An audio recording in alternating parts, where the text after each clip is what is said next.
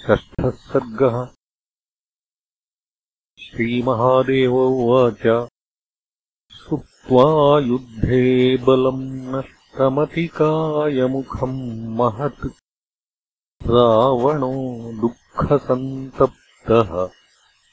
क्रोधेन महतावृतः।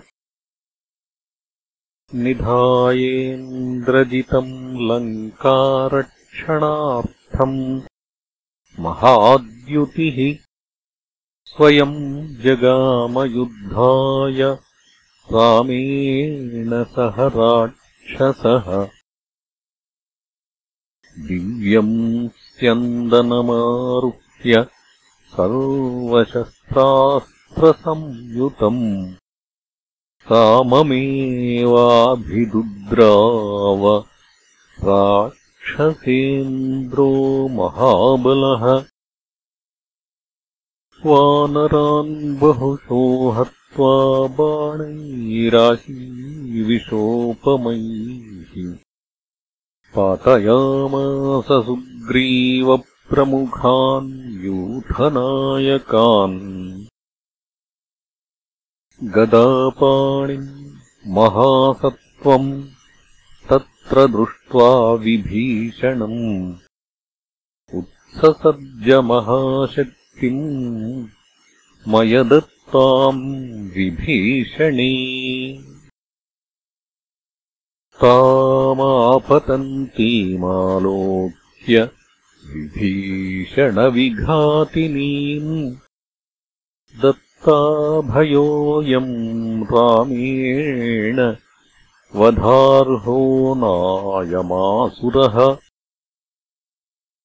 इत्युक्त्वा लक्ष्मणो भीमम् चापमादाय वीर्यवान्।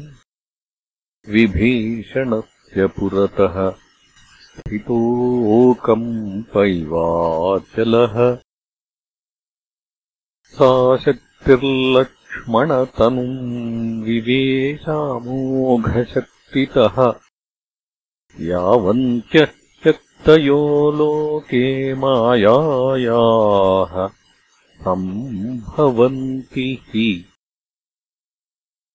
तासामाधारभूतस्य लक्ष्मणस्य महात्मनः मायाशक्त्या भवेत् किम् वा?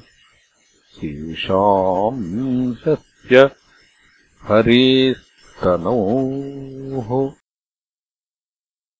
तथापि मानुषम् भावमापन्नस्तदनुव्रतः मूर्च्छितः पतितो भूमौ तमादातुम् दशाननः। हस्तैस्तोलयितुम् शक्तो न बभूवातिविस्मितः सर्वस्य जगतः सारम् विराजम् परमेश्वरम्। कथम् लोकाश्रयम् विष्णुम् तोलयेल्लघुराक्षसः। ग्रहीतु कामम् सौमि रावणम् वीक्ष्यमारुतिः आजघानोरसि क्रुद्धो वज्रकल्पेन मुष्टिना। तेन मुष्टिप्रहारेण जानुभ्यामपतद्भुवि। आस्यैश्च नेत्रः श्रवणैरुद्वमन्रुधिरम् बहु विघूर्णमाननयनो रथोपस्थ उपाविशत् अथ लक्ष्मणमादाय हनूमान् रावणार्दितम्। आनयद्रामसामीप्यम् बाहुभ्याम् परिगृह्य तम्। हनूमतः सुहृत्वेन भक्त्या च परमेश्वरः। लघुत्वमभिमानाय त्वमगमद्देवो गुरूणाम् गुरुरप्यजः। सा शक्तिरपि तम् त्यक्त्वा ज्ञात्वा नारायणाम् सजम्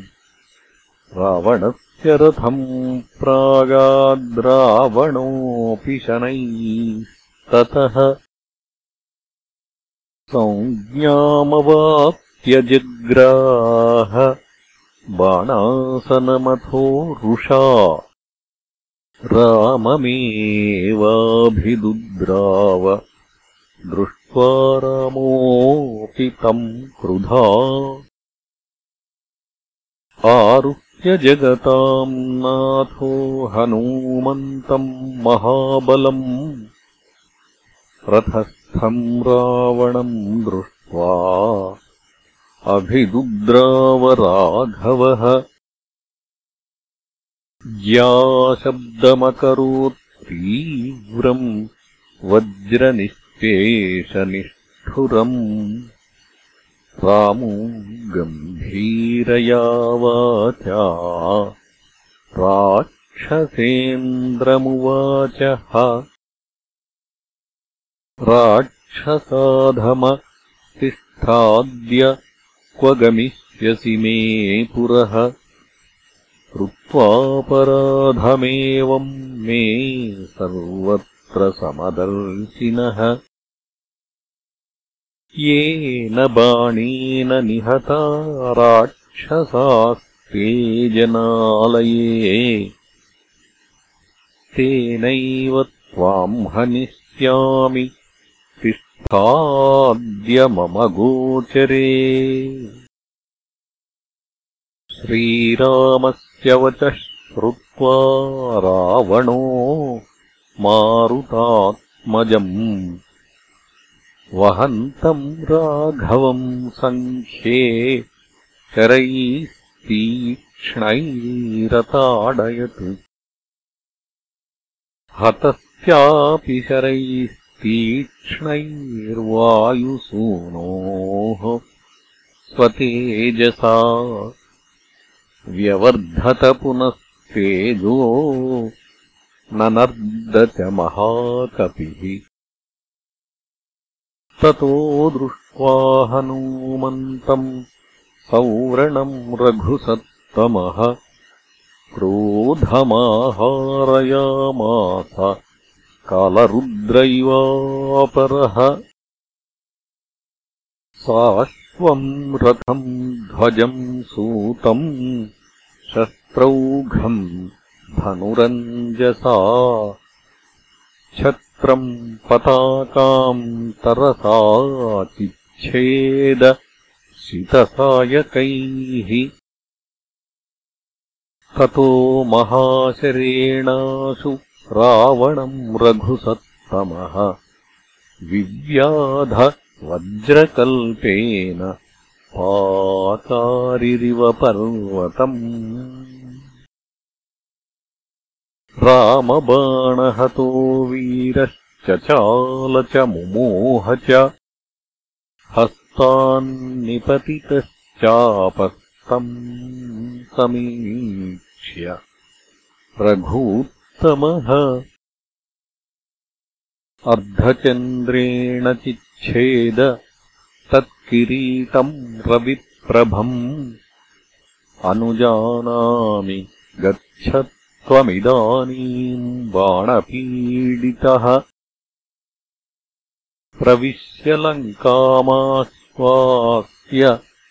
स्वः पश्यसि बलम् मम रामबाणेन संविद्धो हतदर्पोऽथ रावणः महत्या लज्जया युक्तो लङ्काम् प्राविशदातुरः रामोऽपि लक्ष्मणम् दृष्ट्वा मूर्च्छितम् पतितम् भुवि। मानुषत्वमुपाश्रित्य लीलयानुशुशोचः ततः प्राह हनूमन्तम् वत्स जीवयलक्ष्मणम् महौषधीः समानीय पूर्ववद्वानरानपि तथेति राघवेणोक्तो जगामाशु महाकपिः। हनूमान् वायुवेगेन क्षणात्तीर्त्वा महोदधिम् एतस्मिन्नन्तरे चारा रावणायन्यवेदयन् रामेण प्रेषितो देव हनूमान् क्षीरसागरम् गतो नेतुम् लक्ष्मणस्य जीवनार्थम् महौषधीः श्रुत्वा तच्चारवचनम्।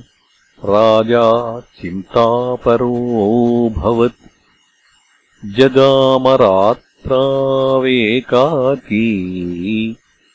कालनेमिगृहम् क्षणात्। गृहागतम् समालोक्य रावणम् विस्मयान्वितः कालनेमिरुवाचेदम् प्राञ्जलिर्भयविह्वलः अर्घ्यादिकम् ततः कृत्वा रावणस्याग्रतः स्थितः। किम् ते करोमि राजेन्द्र? किमागमनकारणम्? कालनेमिमुवाचेदम् रावणो दुःखपीडितः। ममापि कालवशतः। कष्टमेतदुपस्थितम्। मया शक्त्याहतो वीरो। लक्ष्मणः पतितो भुवि तम् जीवयितुमानेतुमोषधीर्हनुमान् गतः यथा तस्य भवेद्विघ्नः तथा कुरु महामते। मायया मुनिवेशेण मोहयस्वमहाकपिम्। कालात्ययो यथा भूयात् तथा कृत्वैः मन्दिरे। रावणस्य श्रुत्वा कालनीमिरुवाच तम्। रावणेश वचो मेद्य शृणु भारयतत्त्वतः प्रियम् ते करवाण्येव न प्राणान् धारयाम्यहम् मारीचस्य यथारण्ये पुरा मृगरूपिणः तथैव मे न सन्देहो भविष्यति दशानन। हताः पुत्राश्च पौत्राश्च बान्धवा राक्षसाश्च ते घातयित्वासुरकुलम् जीवितेनापि किम् तव? राज्येन वा सीतया वा किम् देहेन जडात्मना? सीताम् प्रयच्छ रामाय राज्यम् देहि विभीषणे। वनम् याहि महाबाहो रम्यम् मुनिगणाश्रयम्। स्नात्वा प्रातः शुभजले कृत्वा सन्ध्यादिकाः क्रियाः। तत एकान्तमाश्रित्य सुखासनपरिग्रहः। विसृज्य सर्वतः सङ्गमितरान् विषयान् बहिः। बहिः प्रवृत्ताक्षगणम् शनैः प्रत्यक्प्रवाहय। प्रकृतेर्भिन्नमात्मानम् विचारय सदा नघ चराचरम् जगत्कृत्स्नम् देहबुद्धीन्द्रियादिकम्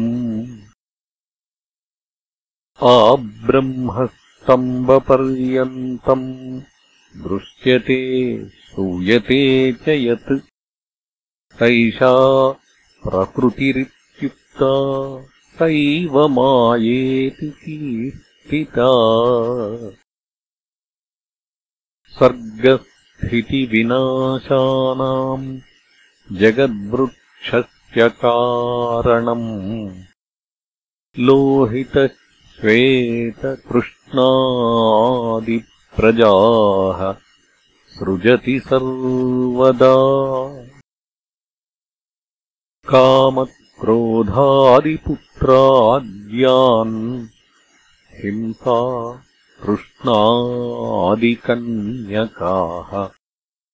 मोहयत्यनिशम् देवमात्मानम् स्वैर्गुणैर्विभुम्। कर्तृत्वभोक्तृत्वमुखान् स्वगुणानात्मनीश्वरे। आरोप्य स्ववशम् कृत्वा तेन क्रीडति सर्वदा। शुद्धोऽप्यात्मा यया युक्तः पश्यतीव सदा बहिः। विस्मृत्य च त्वमात्मानम् मायागुणविमोहितः। यदा बोध्यते बोधरूपिणा। निवृत्तदृष्टिरात्मानम् पश्यत्येव सदा स्फुटम्। जीवन्मुक्तः सदा देही मुच्यते प्राकृतैर्गुणैः। त्वमप्येवम् सदात्मानम् विचार्य नियतेन्द्रियः। प्रकृतेरन्यमात्मानम् ज्ञात्वा मुक्तो भविष्यसि। ध्यातुम् यद्यसमर्थोऽसि सगुणम् देवमाश्रय। हृत्पद्मकर्णिके स्वर्णपीठे मणिगणान्विते मृदुश्लक्ष्णतरे तत्र जानक्या सह संस्थितम्। वीरासनम् विशालाक्षम् विद्युत्पुञ्जनिभाम्बरम्